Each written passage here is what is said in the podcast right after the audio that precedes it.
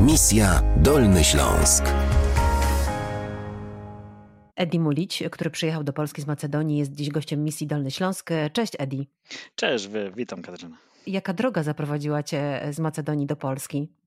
No, to jest taka droga mm, trochę ciekawa. Mm, chodzi o Europejski e, Serwis Wolontariuszy, czyli tak zwany EVS, European Voluntary Service, czyli tutaj przyjechałem na wolontariat tak naprawdę roczny. Kiedy to było? To było w 2008 roku. O, szmat czasu. Tak, tak, tak, to już długo jestem tutaj, 12 mhm. lat. Także e, to było przez organizacji pozarządowych w ramach projektu, e, teraz obecnie się nazywa Erasmus+. Czym się tutaj zajmowałeś wolontaryjnie? Więc tak, tutaj się zajmowałem w organizacji pozarządowej, tak naprawdę w organizacji, która się zajmuje z osobami niepełnosprawnymi. No i robiłem tak naprawdę różne warsztaty. Przede wszystkim były to warsztaty muzyczne, natomiast opiekałem się tymi osobami, były warsztaty ceramiczne, takie artystyczne. Czyli taka arteterapia. Tak jest, arteterapia, zajęcia z komputerami, no i to było cały rok. 12 miesięcy. I po tych 12 miesiącach wróciłeś do Macedonii? Właśnie, że nie.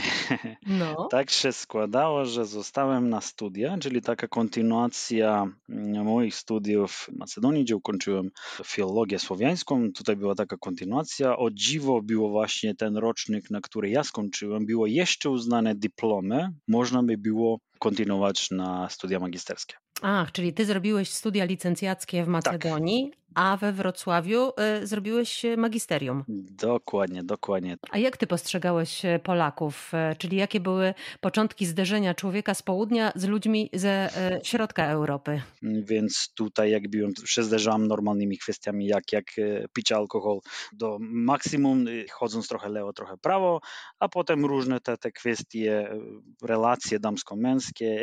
Poczekaj, poczekaj, bo ja tego nie zrozumiałam. Co to znaczy picie alkoholu chodząc trochę w lewo, lewo, trochę w prawo. Jak to znaczy, że, że, to chodzi o, o, mentalność, tak? Mentalności picia. Mentalności Aha. picia, na którym, no powiedzmy, w, na południu jest bardziej tak przy stole, żeby było radośnie na tym stole, czyli nie przesadzając z niczym, tylko po prostu smakować właśnie wszystkim, co jest na stole. Razem nie jest tylko powiedzmy samo picie i idziemy od razu next, tylko po prostu powoli całym rytualem, nie wiem, ewentualnie w tle jaką, jakąś muzykę, czy jakaś e, fajna rozmowa, no i żeby było wesoło na stole, jeśli chodzi o samego gospodarza. Nie? Natomiast tutaj nie, nieraz było tak, że tak naprawdę na, na sucho i na eks. nie połudupadniesz, no to coś, coś słabo piłeś, nie?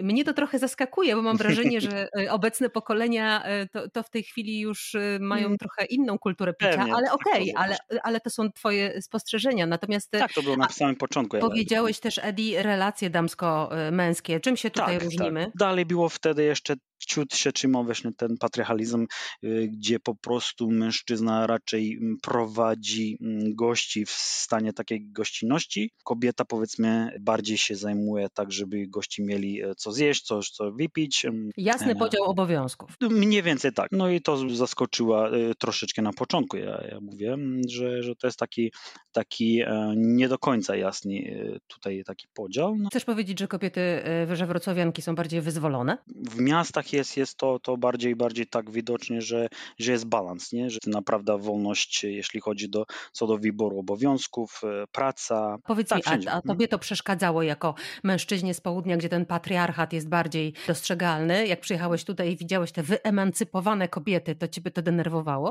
Nie, absolutnie nie. Tylko to jest ten e, pierwszy, jak powiedziałem na samym początku, taki e, szok, wow, coś tutaj jest inaczej. Wow. Edi Mulić dzisiaj opowiada o swojej drodze do Polski. Za kilka minut porozmawiamy o tym, co w Polsce porabiasz.